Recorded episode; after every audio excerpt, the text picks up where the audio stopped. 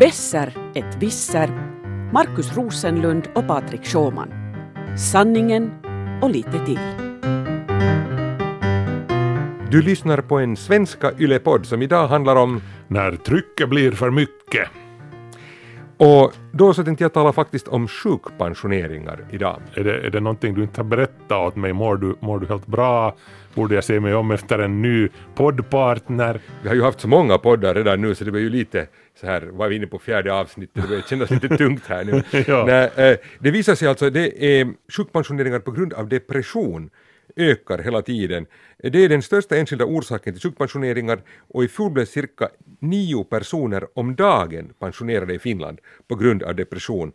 Och två av tre bland de här var kvinnor. Nio om dagen på grund av depression, det, det är ganska mycket helt på riktigt. det. Det är ju ganska mycket och det som är spännande är att den här utvecklingen tycks ha flugit helt under radarn. Alltså det är inte så att alla funderar på och forskar i att, att hur är det så här och vad beror det här på?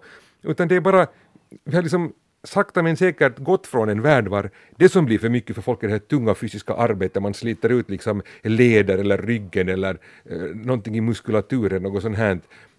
Eh, vi har gått från det till att depressioner hela tiden ökar som orsak till sjukpensioneringar. Hur, hur kan det här ha undgått någon? Jag menar, eh, sågarna och, och stockflottarna och, och allt det här, det, det är ju långt bak i historien medan Medan de här mera diffusa, äh, si- stillasittande arbetsplatserna har ju funnits hur länge som, som helst. Och, Det är alldeles sant, det är alldeles sant att man skulle kunna tycka att det här borde vara något som man skulle se. Men uppenbarligen är det så alltså att det är inte bara i Finland vi missar den här poängen.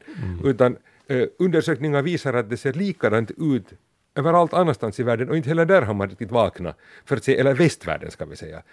I västvärlden ser det ut så här och man har inte vaknat liksom och sett liksom riktigt det här problemet, man har inte börjat titta på det och man har inte börjat se på det. Här finns då två saker. Varför eh, är de här depressionerna ett så stort problem och varför tycks de drabba, åtminstone i Finland ser vi de drabbar mest kvinnor. Här är liksom två liksom, saker som man försöker titta på. Och jag har också försökt, jag har ringt runt här och försökt kolla med olika eh, bolag som folk sjukpensionerar sig hos så här. Eh, och till slut så landade jag på eh, Keva, därför för att det är de som eh, pensioner, har hand om den offentliga sektorns pensioneringar och pensioner. Och, och inte visste de heller egentligen, inte har de heller riktigt koll på det här. Eh, och, och jag har talat, den som nu har tittat mycket på det här i Finland men inte heller riktigt kommit vidare, den här arbetslivsforskaren Guy Ahonen som faktiskt är i pension redan men fortfarande forskar aktivt. Han eh, har fortfarande lite jobb kvar på hanken men det är i princip han liksom den som har tittat mycket på det här. Och, och försökt kolla det här men ingen vet riktigt vad det här är men man ser att det här är ett stort problem och vi kan bara liksom gissa oss till orsaker till det här.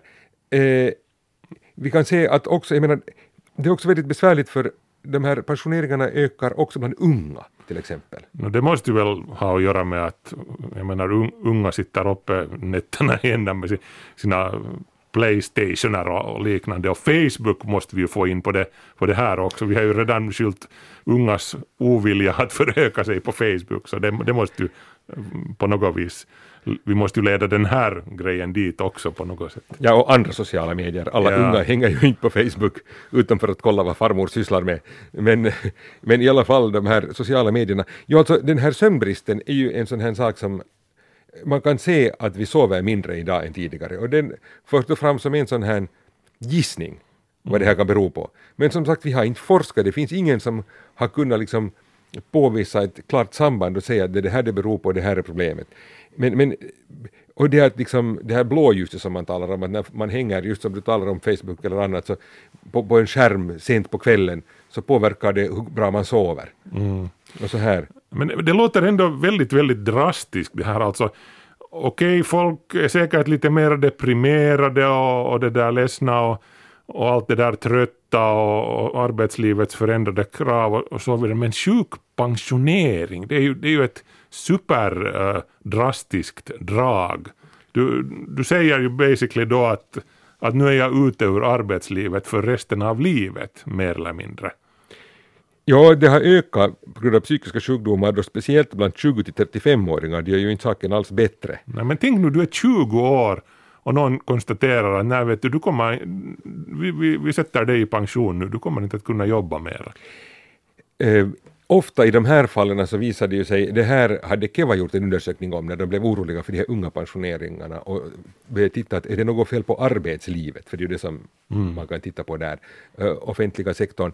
Uh, när det gäller just de här unga så, så visade det sig att det verkar som det mest skulle handla om att de har faktiskt väldigt besvärliga erfarenheter i bagaget från barndomen. Mm. Att det är inte så att det kommer alldeles friska, sunda människor med liksom hela, alla liksom psyke intakt ut i arbetslivet och några år i arbetslivet och så är du plötsligt liksom mm. fullkomligt sönder. Utan det är ju tyvärr så att, att, liksom att ska vi säga så att att det åtminstone syns i dagens arbetsliv när folk liksom kommer med så mycket tungt i bagage att de inte vill klara av det sedan. Men vänta nu unga, eh, vad hände för, för 18 år sedan? Vi hade den stora laman 90, början av 90-talet. Eh, är det nu igen den här vet du, Laman Lapset? Som... Ja, no, det är ju redan början 90-talet, det är över 18 år sedan, det är 28 år sedan. Är det nästa, så? Ja. Nej, men du för mig 1990 kommer alltid att vara för 10 år sedan. För ja, mig. jag förstår. Ja, så känns det, jag förstår din känsla. Ja, men det är ju alltså, där har vi ju de unga vuxna, alltså de har ju fötts under 90-talet. Eh, det är, vi kan bra eh, misstänka att det här kan vara ett problem, mm. utan att kunna gå ut och säga säkert, men, men det är klart att det här ser ju inte bra ut. Sen är det en annan äh, sak som ser ut också i och med att äh, om man tittar på äh, Kevas egen statistik så de ser ju inte så stor skillnad på män och kvinnor i sin statistik alltså. Nej. Men äh, samtidigt de ser ju bara den offentliga sektorn. Och då vet jag att den är ju väldigt kvinnodominerad. Ja. Så då när vi i hela Finland ser att det nog ändå är kvinnor, så alltså det, det ser ut en misstanke som kommer och som faktiskt har framförts också är att i Finland när det här är, jag menar just för män handlar det mycket om de här unga, mm. men med kvinnor är det mycket mer jämnt fördelat över karriären. Vi har också många äldre kvinnor som måste gå i sjukpensionering på grund av depression. Mm. Och att det då skulle handla om att jobben inom den offentliga sektorn helt enkelt är så tunga mm. att just vårdsektorn, utbildningssektorn så här, mm. att, eh, och kanske besvärliga förhållanden, brist på uppskattning, dålig lön. Ja, just det. Ja, att det här är liksom då någonting som leder till att, att de sjukpensioneras mera på grund av sådana här problem mm. inom den sektorn. Att det här liksom, och då är det bara det att eftersom det jobbar så mycket kvinnor där inom den sektorn så det är de som drabbas där. Mm. Ja, och sen är kvinnor ju också lite mera kanske så här, om jag nu låter mina fördomar tala, vet du, kvinnor har det här, det, det här mm, huvud, vad heter det, vet du, när man bror duktig syndromet fast då syster duktig, att man man jobbar tills man stupar, man vill inte vara till besvär för någon, man, så vidare bortåt. Sen, sen till slut blir trycket för mycket helt enkelt. Det där har jag ju inte sett någon undersökning på heller. Men, men om det är så här så, så är det ju inte heller något som hjälper i och för sig. Uh, eventuellt liksom kan vara ett ganska stort problem för att lösningen här borde ju vara att man skulle resursera den här sektorn mera. Men det är ju tvärt emot vad vi politiskt för tillfället vill i Finland. Liksom, vi vill ha långa karriärer för det första, man ska orka länge och sen så är det väldigt viktigt att vi enligt regeringen åtminstone och, och många andra intressenter, ett av målen att vi ska ha den här finska modellen, att det är exportindustrin som sätter lönenivån och så ska den offentliga sektorn följa efter. Och det är nog många som ska försöka räkna på den här statsekonomin som lite chippar efter andan om vi nu börjar säga att vi måste uttryckligen börja nu flytta en massa pengar till att resursera den här offentliga vården och offentliga utbildningen. Men samtidigt så är det ju där vi ser nu att det kan leda till sådana problem. Mm. Men, men jag menar, vad ska vi nu göra sen, sen då i framtiden? För, för mig så känns det som en ganska naturlig lösning det här att vi, vi helt enkelt lättar på trycket för människor. Varför ska alla måste prestera så mycket? Det, det finns ju, jorden är överbefolkad och det finns ju folk som gråa katter. Kan man inte lite vet du, minska på kraven att att vara som att nej, men du, om du inte vill jobba nu, du vill sitta hemma och, och pynja med din frimärkssamling eller spela på din playcard, så gör det då, här får du lite medborgarlön och så här. Ja, det låter jätte, jättebra utom, utom för de som ska få pengarna att räcka till. Jag gissar det, lite att du kommer med någon invändning här. ja, det, det där var en annan stor skräckvision för finansministeriet. De måste ta några styrkande kaffekoppar minst här om de lyssnar på den här podden. Uh, det där, för tillfället får vi signaler, en oro för att arbetskraften inte ska räcka till i Finland, att, att ekonomin växer, men det som kan vara en sån begränsande faktor är det om då arbetsplatserna, de här företagen som växer, de hittar inte arbetskraft. Och nu säger du att nej, vi lutar oss tillbaka och vi behöver inte jobba så mycket, det är skräckvisioner. Men vi har ju robotar! Kan inte de göra det? det är ju skulle vara, hoppas man ju att skulle vara räddningen i framtiden om de här robotarna kommer. Det är ju drömmen. Ja. Att, att snart kommer robotarna att göra en massa jobb och vi kan då ligga och lata oss och låta robotarna göra jobbet åt oss. Det, Vi kan ha en algoritm som gör den här podden och, medan vi kan ligga på stranden. Ja, det, det drömmer man om. I, man tänkte ju sig i början när in- robotarna kom till fabrikerna att det skulle gå så att, att de arbetarna spelar bara golfdagarna i ända och får pengarna och, och Lite som Donald Trump. Mm. Men- så han har då kanske uppnått det ultimata. Men, men eh, om vi tittar på hur det har gått så är det ju tvärtom. Alltså, fast det har kommit en massa robotar till fabrikerna så det betyder inte att de här människorna har kunnat njuta av att spela golf, de här som förut varit anställda där, utan de har blivit antingen arbetslösa eller så de måste skola om sig och jobbar väldigt hårt fortfarande idag i andra uppgifter. Och, och dessvärre så eh, säkert kan det gå så att vi kan bli effektivare på att producera en del vård och en del andra saker, men tills vidare är det ju faktiskt så att det har ju varit mycket lättare att automatisera en pappersfabrik än att automatisera ett sjukhus. Den mänskliga vården behövs. Det, det är inte så där bara att skicka in en robot eller, eller ha någon sån där robotarm vid sjukhussängen som sköter om patienten och sen mår man bra. Det, Där har vi ett problem, en utmaning. Med andra ord så kommer folk att fortsätta att sjukpensionera sig för jag menar om ingenting görs så då är det ju, det här är ju det enda sättet som, som det här trycket kan lätta på sedan. Här finns en liten ljusglimt, jag vill inte säga att den är hemskt bra, det är kanske mer ett litet plåster, men eh, här finns i alla fall det att den offentliga sektorn i Finland, som, där så att säga problemen är- så här stora, också har visat sig vara ganska bra på att skapa sådana här arbetsuppgifter så att de här människorna som är sjukpensionerade har kunnat pensionera sig på deltid och fortsätta arbeta i någon form av uppgifter men inte lika mycket som tidigare, lite det där ligga på sofflocket då, men, men inte ändå. Alltså förstås, det är säkert inte som man upplever det när man både ska dras med, med mentala problem och arbete, men att man lite har kunnat anpassa sig och komma emot och folk har kunnat stanna kvar i arbetslivet. Och det är också bra för de som liksom lider av de här problemen, för då känner man sig mycket mer nyttig och det liksom har visat sig att det vet man att, att de mår bättre av det. Så här finns en sån, ett liten, en liten ljusglimt i Ja, alla men det, fall. där, det där är ju bra, det där köper jag. Jag tycker vi kan avsluta den här delen av diskussionen här för vi har ju kommit fram till en, en konstruktiv och bra lösning på det här.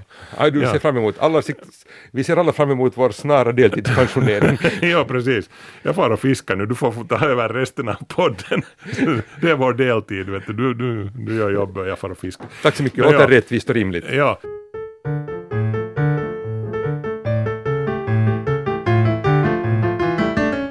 Apropå det här med när trycket blir för mycket. Eh, den andra saken som där det jäser och pyser och, och saker och ting ger efter är ju naturligtvis jordskorpan eh, på Hawaii. Uh, hade på sistone varit uh, oroväckande saker på gång runt uh, vulkanen Kilauea uh, som nu har ett utbrott och som har tvingat 10 000 människor att ta till flykten från sina hem och det har, lavan har vält över en massa hus där redan och, och, och, och in- ingen har väl dött åtminstone i skrivande stund så att säga, vilket ju är bra. Men, men fall- alltså det som här är intressant är att det där är ju, borde ju inte ha kommit som någon överraskande chock att den där vulkanen är aktiv. Nej, det, det är ju det och speciellt inte Eh, eftersom Kilauea har haft utbrott ända sedan 1983. Det här samma utbrottet har alltså pågått sedan 1983. Det, det bara tilltar i styrka då och då. Och, och så att alla har nog minsann vetat om att det är någonting på gång där. Kilauea, eh, som för övrigt betyder att spy på hawaiiska, vilket ju är ett betydligt mer användbart ord om man som finländare ska lära sig någon, någonting på hawaiiska. Vet du, alla säger ju aloha hela tiden, men med Kilauea! Ja, det där låter ju annars bra, men just nu så, så skulle jag ju inte liksom råda någon att åka dit, fast, fast säkert eh, också eh, spriten är billig där. Ja. Eh, det var jag inte förstår, alltså det, det här är ju någonting som jag skulle ha trott liksom att om man får höra det så här på något ställe att en vulkan har haft då i tiotals år utbrott och det är väldigt instabilt, att man då ser till att man inte åker dit och man, man bosätter sig inte där. Och sen plötsligt så fick jag läsa att, att tvärtom, att det har varit extra populärt att flytta just så nära den här vulkanen som möjligt. Ja, no, men det är ju det med Kilauea, trots att alla eh, tabloider och alla webb, sensation, sensationalistiska webbsajter nu skriker att, att uh, Doomsday Volcano, vet du, uh, everybody, everybody's gonna die now och så vidare. Men, men Kilauea är ju en, det är ju en pensionärsvulkan. Dels så finns den på Hawaii som ett pensionärsresort redan till att börja med. Och för det andra så är det här utbrottet väldigt, väldigt lugnt av sig. Det bubblar fram lite lava då och då, den rinner ner. Du kan alltså på riktigt springa undan det här, den här fram, framvällande Äh, lavan med en rollator.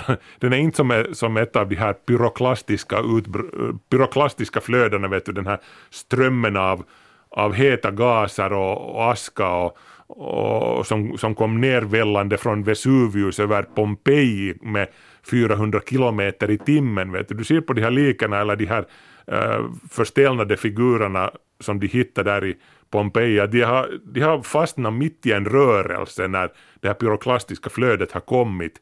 När ett pyroklastiskt flöde kommer så då går, då, då går det åt pipan för dig. Då, då, du, du hinner inte ens kasta allt du har för händer och springa för du blir fast där. Men, men Kilaueas sakt, i, i sakta mak flödande lava så den, den, den liksom, det är ju bara pittoreskt mer eller mindre. Okej, nu, nu är det ju tragiskt för dem som... Jag måste, jag måste säga, som, som ekonomiredaktör så, så jag tycker att det borde ha liksom ringt några varningsklockor om man vill flytta dit när man märker för det första att, att orsaken till att man eh, kan flytta så lätt dit när vulkanen att marken är så billig och det är så billigt att flytta dit för ingen vill. Liksom det, det, det, det, därför, det är så en liten signal att någonting kanske inte är helt rätt och sen när man ringer sitt förse, till försäkringsbolag så säger de att vi försäkrar ingenting. Att det är liksom, Ja, du vad som helst som händer så, så, så du får ingen försäkring men det här har inte stoppat folk. Nej, nej, men, men folk älskar ju att utsätta sig för, för fara. Jag menar, ändå, trots att Kilauea nu har ett sådant ganska trögt och långsamt och, och makligt utbrott, och det är ju egentligen ett jättebra sätt att lätta på trycket. Ska man göra det på något sätt så ska man göra det som Kilauea, vet du, under flera årtionden eller rent av århundraden låta det pysa lite så här med jämna Skulle, mellanrum. skulle du flytta till Kilauea? Ja, no, inte vet jag, kanske... det, det bor ju hippien i tält där på slutningarna har jag förstått. Och, och, nej, men, men däremot skulle jag flytt, kunna tänka mig att flytta till Yellowstone i, i USA. Vet Det är en fin nationalpark. Det är en jätte... Alltså det är ju eh, bland de vackraste, de vackraste platserna det, på jorden. Det är ju, det är ju paradislikt det här. Men, men det är ju också en enda stor jäkla vulkan. Det är en av de sju kända supervulkanerna som vi har på jorden just Det där nu. inte bra. Nej, alltså en supervulkan, det, det är någonting av det mest extrema som kan hända här på jorden förutom då att en jättelik asteroid kommer. Vet du, en, en supervulkan är egentligen inte en, en vetenskaplig eller teknisk term. Det är alltså en, en supervulkan är en sådan där, som har en kapacitet till att spy ut under ett och samma utbrott mer än tusen kubikkilometer lava, aska och allt det, alla de andra erup, eruptionsprodukterna. Tusen kubikkilometer. Jag har lite svårt att bilda mig en klar enkel uppfattning om hur stort det är jämfört sådär med Helsingfors centrum. No, Okej, okay. Yellowstone som då alltså är en av USAs mest populära turistattraktioner dit var miljontals människor och vandrar omkring där bland geyserna och de varma källorna. Eh, man visste inte från början överhuvudtaget att det fanns en vulkan. Eller jo, man visste att något vulkaniskt är här på gång. För det finns de här gejsrarna och källorna och saker och ting och, och det, det skälver i marken och sådär. Men var är vulkanen? Nå, sen i slutet av 70-talet så, så, så det där fick man de första satellitbilderna av området. Då insåg man okej, det är därför vi inte har sett någon vulkan här. För hela området är en vulkan, 90 kilometer i genomskärning är den här kalderan. En kaldera är alltså en, gammal magmakammare från en eh, gammal vulkan som har kollapsat, först tömts våldsamt och sen kollapsat in. Uh, och det, det, är alltså eh, Yellowstone. Man, man ser inte den för hela området är en vulkan. Och, och den, när den får utbrott, och den kommer att få utbrott, så den kommer inte vet du, att börja pysa så här sakta och jämt eh, en ström av lava som turisterna kan fara och fota den kommer att explodera så som den har gjort uh, ungefär med 600 000 års eh, mellanrum de senaste tre miljonerna åren eller så. Nu är det 640 000 år sedan sist, så du kan ju själv vet du, do the math. Där. Men jag är säker på att man kan försäkra sina hus nära Yellowstone. När, du, du, när Yellowstone går i luften så kommer vet du, inga försäkringar någonsin någonstans att täcka någonting. För, för du kan jämföra Yellowstones sprängkraft, du, du staplar hela halva Nyland, Nylands län, Nylands landskap full med dynamit och ända upp till stratosfären, 13 kilometers höjd, så tänder du på. Det är liksom sprängkraften som vi talar om. Eh, men alltså vad betyder det för Nordamerika? No, det betyder ju att, no, alltså senast, det senast riktigt stora utbrottet som den hade senast, så då täcktes hela eh, äh, US, hela nuvarande USA, från, ska vi säga från Chicago västerut, så täcktes hela USAs område med ett tjockt lager av aska. Det, det skulle helt enkelt vara ridå för hela landet plus att vulkanvintern som, som följer på det hela skulle kasta jorden tillbaka till istiden för de kommande tusen åren eller så. Så, så det, eller tusen, men i alla fall en lång, lång, lång period. Det, det finns en massa av de här utbrotten i jordens historia som nästan har tag, tagit kol. Eh, uh, Toba för 70 000 år sedan, vet du, då var mänskligheten nere i några tusen individer. Vi var nästan utdöda när, när Toba gick i luften och Toba var ännu större än, än Yellowstone. Var låg den? I Indonesien. Så det, dit finns de flesta av de här. Men, men jag menar, den här sortens, vet du, det finns en annan supervulkan mitt i Europa, under Neapel. Har du varit i Neapel någon gång? Nej, tyvärr inte just i Neapel. Nej. Nej, no, där finns ju Vesuvius som vi alla känner till. Ja. Den, den tog ju koll på uh, Pompeji och Herculaneum var det 79, år 79. Eh, men där finns en annan vulkan som, som är mycket farligare men som ingen talar om just av samma orsak, för, för ingen kan se den. Eh, för den är så stor, den ligger under, del, dels, delvis under vatten under Neapelbukten, den är väl en 12 kilometer genomskärning. Det är också en, en supervulkan. Uh, Campi Flegrei heter den, de, de brinnande fälten. Det var i Campi Flegreis en av, en av de här kalderorna där som romarna trodde att Vulkanus bodde, vet du den här gamla vulkanguden som bodde under Naturligt. Ja, naturligt. och det var där han bodde. Ja, och, och det, är en, det är alltså en supervulkan. Den har haft utbrott, några utbrott, riktigt stora. Det senaste var väl visst för, för lite drygt 40 000 år sedan. Det var då som uh, neandertalmänniskan dog ut och man tror att det här hade just med det, den här vulkanvintern som följde efter det utbrottet tror man att ha, tog knäcken på neandertalmänniskan. Plus det att våra förfäder, Homo sapiens, kom upp och var bättre på att jaga. Och Men när kommer den här då att få ett utbrott? Campi Flegrei har de senaste 70 åren har jordytan i Campi Flegrei höjts med ungefär fyra meter. Så nu faktiskt här i, i fjol höstas var det visst som, som eh, experterna, där, de här vulkanologerna där höjde varningsnivån både till gul och till nästa steg. Vet du, för att det, där är ett utbrott an, antagligen på kommande eh, inom relativt en relativt kort tid. Men det vet du, det kan vara, det kan hända det kan hända om ett år, det kan hända om 20 år, det kan hända om 200 år. Ingen vet. Vi, det, det, bara... det, det, är inte en orsak för alla som bor i Neapel att sälja sina hus och flytta bort. Nej, men, där har vi just det där att vet du, du måste ha en sån här super uh, fatalistisk attityd till livet när du bor det bor ju liksom en miljon människor eller mer där mitt upp ovanpå det där området. De kan bara vara som att inshallah, vet du, fast på, på krist, katolskt katolskt språk. Det händer det som händer. Vi bor här nu och lever våra liv. Och sen, för det, du kan inte göra någonting, om en supervulkan brinner av, eh, Så, så du kan inte göra någonting. Det, det är liksom... Eh, Du kan bo i Finland, eller hjälper det? Hur illa går det för oss när det smäller? Det går nog illa för oss också. Men, men okej, ja, Finland eh, har ju en bra stadig berggrund. Det, det, är liksom, det är liksom den här perken med att bo i Finland. Vi har världens tjockaste och stabilaste berggrund.